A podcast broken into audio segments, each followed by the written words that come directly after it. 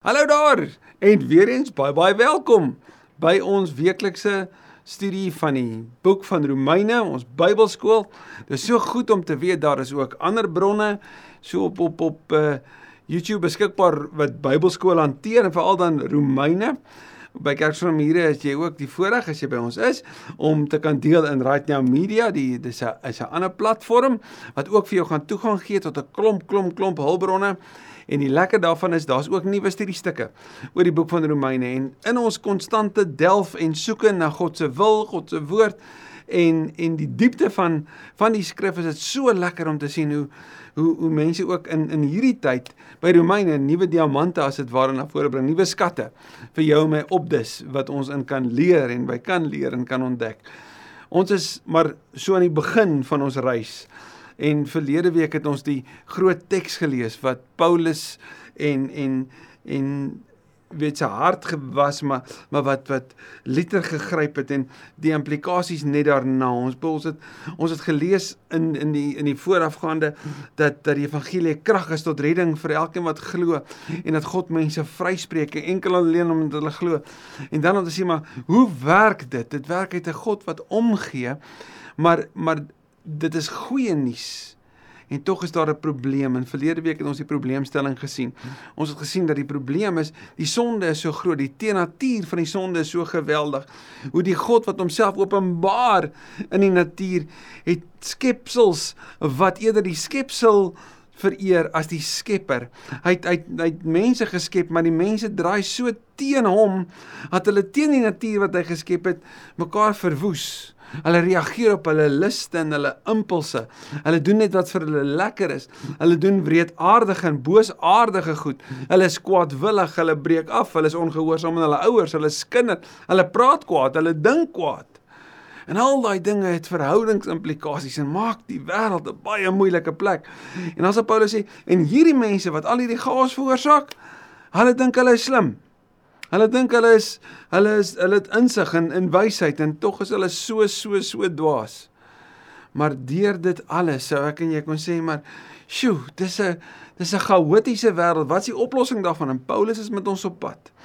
In hoofstuk 1 se derde deel het Paulus juis gefokus op die op die heidene, die Grieke wat nie die Joodse agtergrond gehad het nie, maar wat Paulus sê, kyk wat is die gevolge van die sonde vir julle.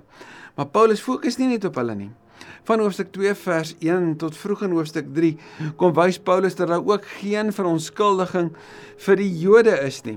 Want ook hulle is verlore sonder die evangelie. Ook hulle is is is is by 'n plek waar hulle moet besef die sonde het ook 'n 'n aangryp in my eie hart. Dit het 'n aanklef in my eie hart en ek het ook 'n redder nodig net soos wat die heidene nodig het. Kom ons bid saam en dan begin ons met hoofstuk 2. Dankie Here dat U ons ken. Dankie dat U ons gedagtes en verbeelding aangryp deur U wil, deur U teenwoordigheid en deur die woorde van U woord. Wees asseblief ook so aan die woord vandag.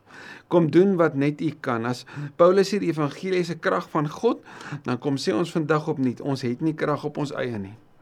Ons kan nie redding vir onsself teweegbring nie. Ons is verlore sonder U. Ons het U nodig. Wees asseblief van die woord in Jesus se naam. Amen. Romeine 2 vers 1. En en in hoofstuk hoofstuk 1 se laaste stuk het net gewys weer op die absolute tragedie van van waar die sonde mens los weg van die Here af. Ons het 2 vers 1 en ek wil as die Jode daarna sou kyk, dink ek myself, hulle sou seker kon sê, ja, maar ek staar hom nie so nie. Ek bedoel daai lys van 10 dinge wat wat jy daarin beskryf Paulus wat hierdie Grieke gedoen het en wat hulle selfs goed gekeer het en wat hulle goed gevind het as selfs ander mense dit doen. Onthou ons is Jode. Ons het die 10 gebooie. Ons dien net vir God. Ons eer nie skepsels nie. So so ons is daarom nie so sleg soos hulle nie. Inteendeel, ons het nog nooit gedink ons is sleg nie. Ons het gedink ons is die volk van God. Ons is bestem om om om saam met hom te wees. Nie saam met hulle nie. Ons het niks met hulle te doen nie. Hulle is benede ons soos daai fariseërs se gebed dankie Here dat ek nie soos hierdie tollenaar is nie sou die Jode van Rome kon sê dankie tog ons is nie soos die heidene van hierdie gemeenskap nie Paulus sê daarom is daar vir jou en hierdie fokus is direk op die Jode in hierdie gemeente vir wie hy skryf. Daarom is daar vir jou geen verontskuldiging. En hierdie is 'n regsterm. Ook jy sal in die regbank verskyn en jy sal nie kon sê maar ek het nie geweet nie soos wat die heidene kon sê nie. En jy sê ook nou nie kon sê ja maar ek is nie so nie. As vir jou geen verontskuldiging nie vir jou mens wat 'n ander veroordeel. En die woord oordeel het nie te doen met om 'n oordeel te vel nie, maar veroordeel. Dis om te sê iemand is bestem, jy die vonnis gevel. Vir jou wat die vonnis vel oor ander nie, wie jy ook al is. Enige een wat sou dink, oor die maar ek's darm nie so nie. Die hartseer is wanneer daar sekere sondes in die Bybel op gefokus word asof dis die enigste en jy kan darm as jy da, nie so is nie dan is jy oukei. Okay. Maar daai dan verskriklik. En gewoonlik doen mense dit op die sondes waarmee hulle nie stoei nie. Ons is baie baie openlik en hard op die sondes wat ons nie aan aan deelneem nie, maar daai binnekant ons maar bietjie stiller op dit gewoonlik 'n bietjie met 'n verskoningkie of 'n geneigtheid om dit te wil versag. Kyk wat sê Paulus vir jou wat ander veroordeel. Daar's nie vir jou verskil vir onskuldiging nie. So as dit nie vir onskuldiging is, beteken dit jy's net so skuldig, nie waar nie? Want dis die regsterm. Deurdat jy oor 'n ander 'n oordeel uitspreek, deurdat jy die vonnis vel, veroordeel jy jouself. In Johannes 8 sien ons hoe hierdie prakties uitspeel wanneer die die oudste familiehoofde en die fariseërs en die skrifgeleerdes almal daar om Jesus kom ek ek kan myself net indink hoe die situasie homself sou kon voorafspeel maar wat uiteindelik gebeur is die vrou wat voor Jesus gegooi word en hulle verwag dat Jesus die oordeel moet vel want hy kan en hy is God en hy is die die een wat dit mag doen maar sou hy dit doen sou hy die boodskap wat hy bring en verkondig en vertel en leef sou hy 'n streep daardeur trek sou hy dit nie doen nie sou hulle kon sê maar jy is nie gehoorsaam aan die wet van Moses nie maar daar's 'n dieper betekenis daar agter en, en Jesus leef dit deur te sê, maar laat die een wat nie sonde het nie die eerste klip gooi en dan gooi niemand nie. Inteendeel hulle elkeen erken daardeur dat hulle sondig is. En hierdeur kom sê Paulus, hy herinner ons weer eintlik hierdeur, nê? Ons word herinner, dit is uiteindelik wat gebeur daaraan dat ook ons die klippe van oordeel wat ons in ons hande hou, klippe van oordeel wat ons oor ander in ons in ons harte ronddra, moet laat val en erken, Here, maar ek is ook skuldig. Vir jou wat 'n ander oor oor hulle oordeel spreek, veroordeel jy jouself, want jy wat veroordeel, doen dieselfde dinge. Anders gesê, jy leef net so selfregverdigend, soos wat hulle doen. Jy wat goeters in jou gedagtes dink. Jy wat al ongehoorsaam was aan jou ouers, jy wat al kwaadwillig was, jaloers was, woede beleef het. Jy wat al wreed was teenoor iemand met jou woorde of met jou gedagtes of met jou oë. Jy's net so skuldig. So wie is jy om te kom sê maar ander is so sleg of ander is so. Dis interessant dat mense wat die skuldigste binne voel is geneig om die aggressiefste na buite te leef. Paulus sê jy bring 'n oordeel oor jouself. En Waarskynlik is een van die klassiekste voorbeelde hiervan daar in 2 Samuel 12 vers 4 tot 7. Onthou jy Nathan se gesprek met Dawid? En Dawid het opgespring en, en hy het vinnige oordeel gevonnis en toe sê Nathan is jy. Jy's die man. Wanneer ek skuldig is, het ek baie keer al daai klippe in my hande. Ek onthou hoe my ma my so gereeld gesê het wanneer jy 'n vinger wys, is daar drie wat terugwys. Moet dit nie vergeet nie. Vers 2. Ons weet dat God regverdig handel. sien God is die regter wat regverdig is. En wat het die regverdige regter in Johannes 8 gedoen? Het niemand die oordeel oor jou voltrek nie? Niemand nie, Here sê sy. Ek doen dit ook nie. Gaan en sondig nie meer nie. Die een wat sonde kan vergewe, die een wat kan vryspreek en die een wat kan oordeel is die een wat van nuwe kans gee. Hy's regverdig. Ons weet dat God regverdig oordeel wanneer hy mense wat sulke dinge doen veroordeel en en iemand wat dit sou kon lees sou kon sê dis reg, hulle verdien dit. Hy is die een wat mag veroordeel. Dis goed so. Maar hy is God. So dit is sy reg. En hou net vas want later gaan Paulus sê hoe God dit doen. Vers 3. Maar jy mens, sien jy's nie God nie. God wat mense veroordeel is reg want hy is die heilige God, nê? Nee? Maar mens, jy wat 'n ander veroordeel. So as jy die die lyn sou trek, jy sou dit in die notas ook so kon sien, die mens wat veroordeel staan teenoor God wat veroordeel. Die mens het nie reg nie. Die Here is die objektiewe waarheid, die die heilige, die die groot koning, die een wat mag. Maar mens, jy het nie die reg nie. Jy wat ander veroordeel wat sulke dinge doen en jy doen dit self. Jy wat dit self doen en die vinger wys. Verbeel jy jou dat jy aan die oordeel van God sal ontkom? Ek wil kyk jy's net soos die ander. Nou dink jy jy's super spesiaal? En onthou as Paulus hierdie vir die Jode skryf, dan is hierdie nogal 'n klap in die gesig. Dit is 'n wakker klap eintlik. Want hulle het gedink jy's hulle is die spesiale groepie. Hulle kan maar doen wat hulle doen. Hulle is ten minste die uitverkorenes, of so het hulle geglo.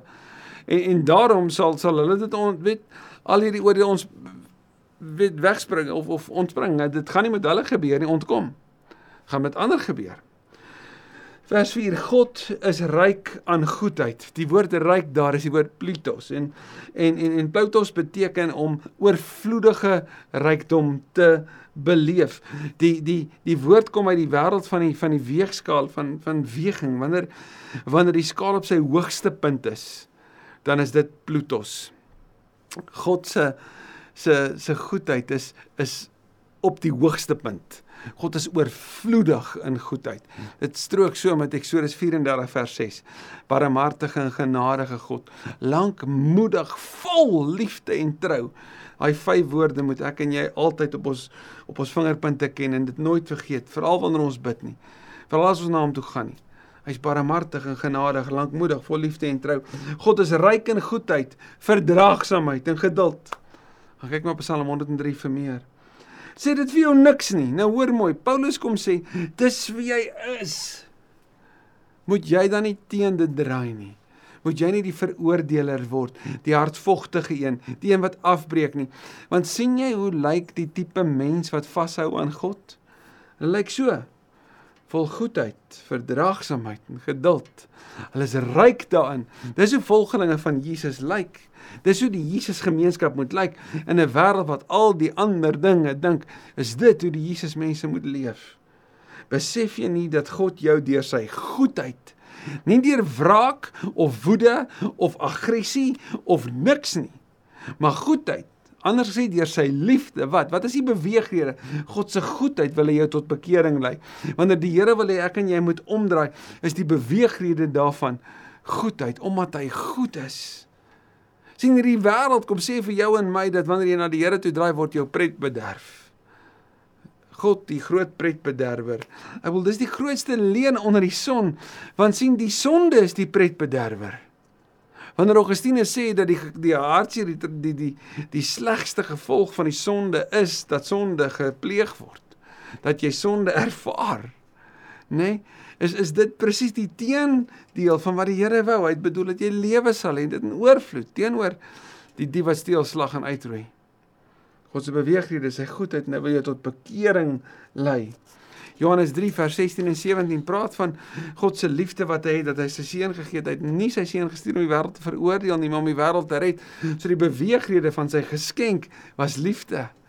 As Openbaring vir ons die heeltyd vertel van eintlik die die groter wordende dreigement op die op die gevolg van sonde en op die uiteinde van die oordeel, dan is die beweegrede regdeur steeds God se liefde. Hy wil hê hom tot bekering kom. 2 Petrus 3 moet ons altyd onthou.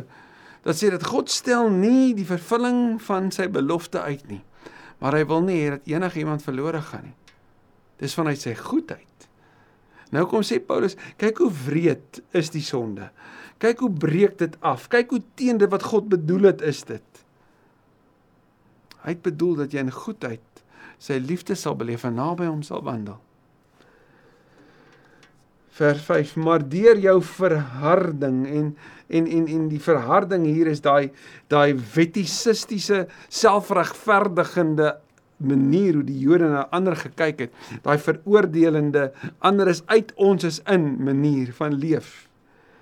Deur jou verharding en jou onbekeerlike hart is jy besig om vir jouself straf op te gaar vir die oordeelsdag So waarin jy in die voorafgaande laaste deel van hoofstuk 1 sê kon sê hulle verdien die straf vir dit kom sê Paulus jou onbekeerlike hart jou hart wat nie na die Here toe draai nie verdien ook God se straf net so skuldig as wat hulle is net so skuldig as jy wanneer God sy regverdige oordeel sal uitspreek.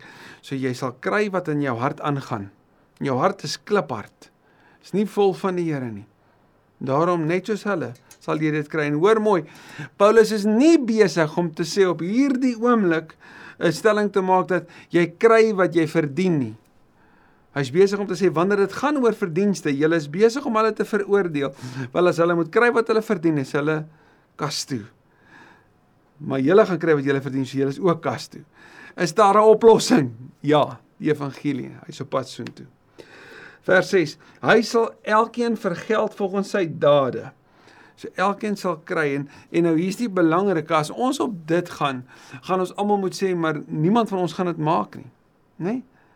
Kyk mooi wat sê Paulus dan, aan die wat in goed doen volhard en op dië manier soek na ewige heerlikheid, eer en onverganklikheid gee hy die ewige lewe. En hier sal ons moet stop. Net so vir 'n kort wyle. Want wat ons sê as ons hierdie vers sou uithaal en hier op die een kant net so lees soos wat ons maar maak baie keer om verse uit konteks uit te haal, dan sou ons gesê maar jy verdien, sien jy, jy verdien wat wat met jou gebeur. En doen net goed en ons gaan by jou begrafnis gesê jy was 'n goeie mens en daarom weet ons jy is by die Here. Maar lees dit asseblief in die groter konteks van hoofstuk 1 vers 16 en 17 want vanuit dit speel die res van hoofstuk 18 1 vers 18 tot by 3 vers 20 wat oor die gevolge van sonde gaan. Paulus kom sê hierdeur want onthou die direk voorafgaande te gaan oor bekering. As jy tot bekering kom, God wat uit sy goedheid wil hê jy moet tot bekering kom, daarmee saamkom 'n nuwe lewe. Hierdie nuwe lewe fokus op goed doen en natuurlik as jy hierin volhard, gaan jy by hom wees, maar nie omdat jy dit verdien nie. Ons gaan dit sien later. Enkel alleen omdat jy glo. As jy glo word jy 'n nuwe mens en 'n nuwe mens doen nuwe dinge en hierdie nuwe dinge as jy daarin volhard, gaan jy by hom wees. Maar sê jy kan nie glo en sê ek's 'n nuwe mens, maar ek lyk nog soos die oue nie. Want as ek daarin volhard, dan is ek mos nie 'n nuwe mens nie. Ek kan nie sê ek glo maar ek vergewe nie. Want dis mos die lewe van 'n ou mens. Nie waar nie? Want dan het ek mos nou nog nie die volledige vergifnis van 'n nuwe mens ontvang nie, want heel duidelik het ek nie want ek kan nie ander vergewe nie. Maar as ek ontdek hoe groot my sonde is en hoe vergewe hoe ek vergewe is, dan vergewe ek mos. Dis die lewe van 'n nuwe mens. Paulus sê jy daarin volhard die ewige lewe. Jesus sê wat die ewige lewe is in Johannes 17 vers 3, dat jy hom ken en die Vader ken. Gaan lees dit gerus. Vers 8: Maar die wat uit selfsug ongehoorsaam is aan die waarheid, die wat nie ek wil teenoor bekering is die woord selfsug, selfregverdiging, bekering met anoia omdraai na hom toe draai en toegee aan die ongeregtigheid, straf hy in sy toorn. Paulus kom sê hier vir die Jode, as jy nie tot bekering kom nie, as jou hart nie versag nie, as jy nie nuut word nie, is die straf ook gegeewe vir jou. Lyding en benoudheid bring hy oor die lewe van elke mens wat kwaad doen in die eerste plek oor die Jood, oor die van die Jood, maar ook oor die van die nie-Jood. So Paulus gebruik hierdie inklusiewe taal om te sê as jy nie na die Here toe draai nie, as jy nie die goeie nuus aanvaar nie, is dit wat jy gaan ervaar. Dis wat wag vir jou. Maar God se bedoeling is sy goedheid. So jy kan kies vir die natuur van die van die lewe saam met die Here van goedheid en liefde en genade en geduld of die teenatuur wat gaan oor jou en en jou manier en jou oordeel en jou neerkyk op ander of jou woede of jou welis of dies meer. Jy moet kies want daar's 'n gevolg op jou keuse. Ewige eerlikheid, eer en vrede skenk hy aan elkeen wat goed doen. En ek sal myself dit indink as ek my oë sou toemaak en ek hoor hierdie woorde, sou ek wou sê maar wie wil dit nie hê nie? Wie wil in die put van die hel wees en Jesus by die deur sien wat sê kom na my toe, hier's lewe in oorvloed en na die deur toe stap en die deur toemaak en sê ek wil nie wil nie by goedheid en eer en vrede wees nie. Ek wil nie by herstel en genade en 'n ligte lewe, 'n nuwe lewe wees nie. Hulle sê vir die wat in hierdie nuwe lewe leef, jy skenk hierdie heerlikheid, eer en vrede gee aan elkeen wat goed doen. In eerste plek die Jood, maar ook die nie-Jood, daai inklusiwiteit van die gemeenskap. Want die belangrike wat die Jode moes hoor is hierdie vers 11 en hiermee sluit ons af hierdie week. God trek immers niemand voor nie.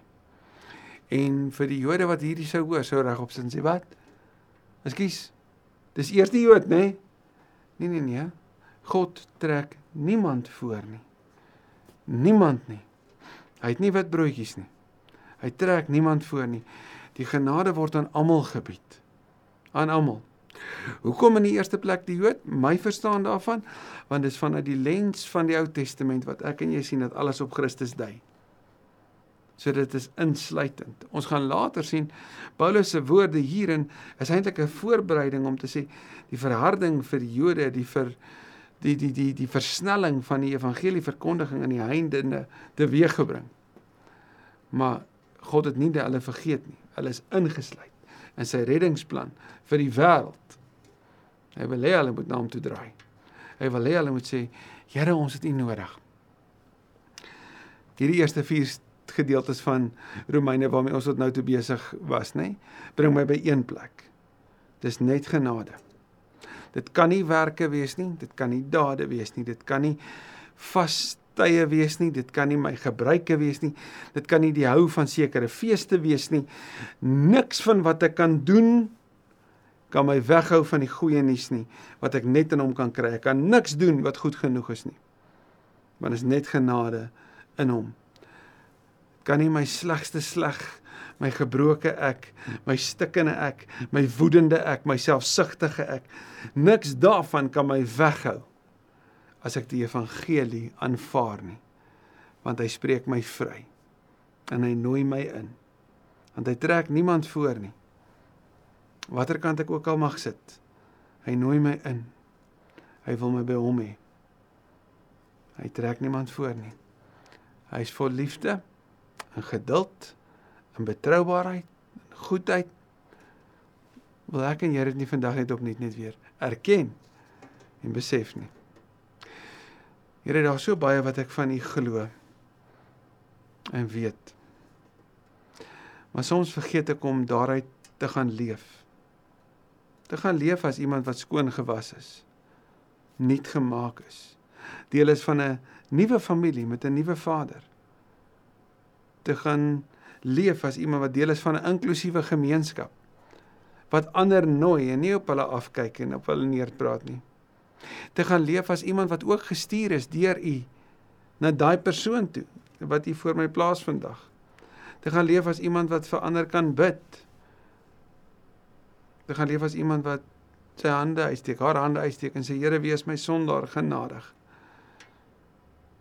Help my om dit wat ek glo om dit opnuut te ontdek maar vandag ook te leef. In Jesus se naam. Amen. Amen. Ek hoop so jy het 'n besondere besondere mooi week. Seën vir elkeen.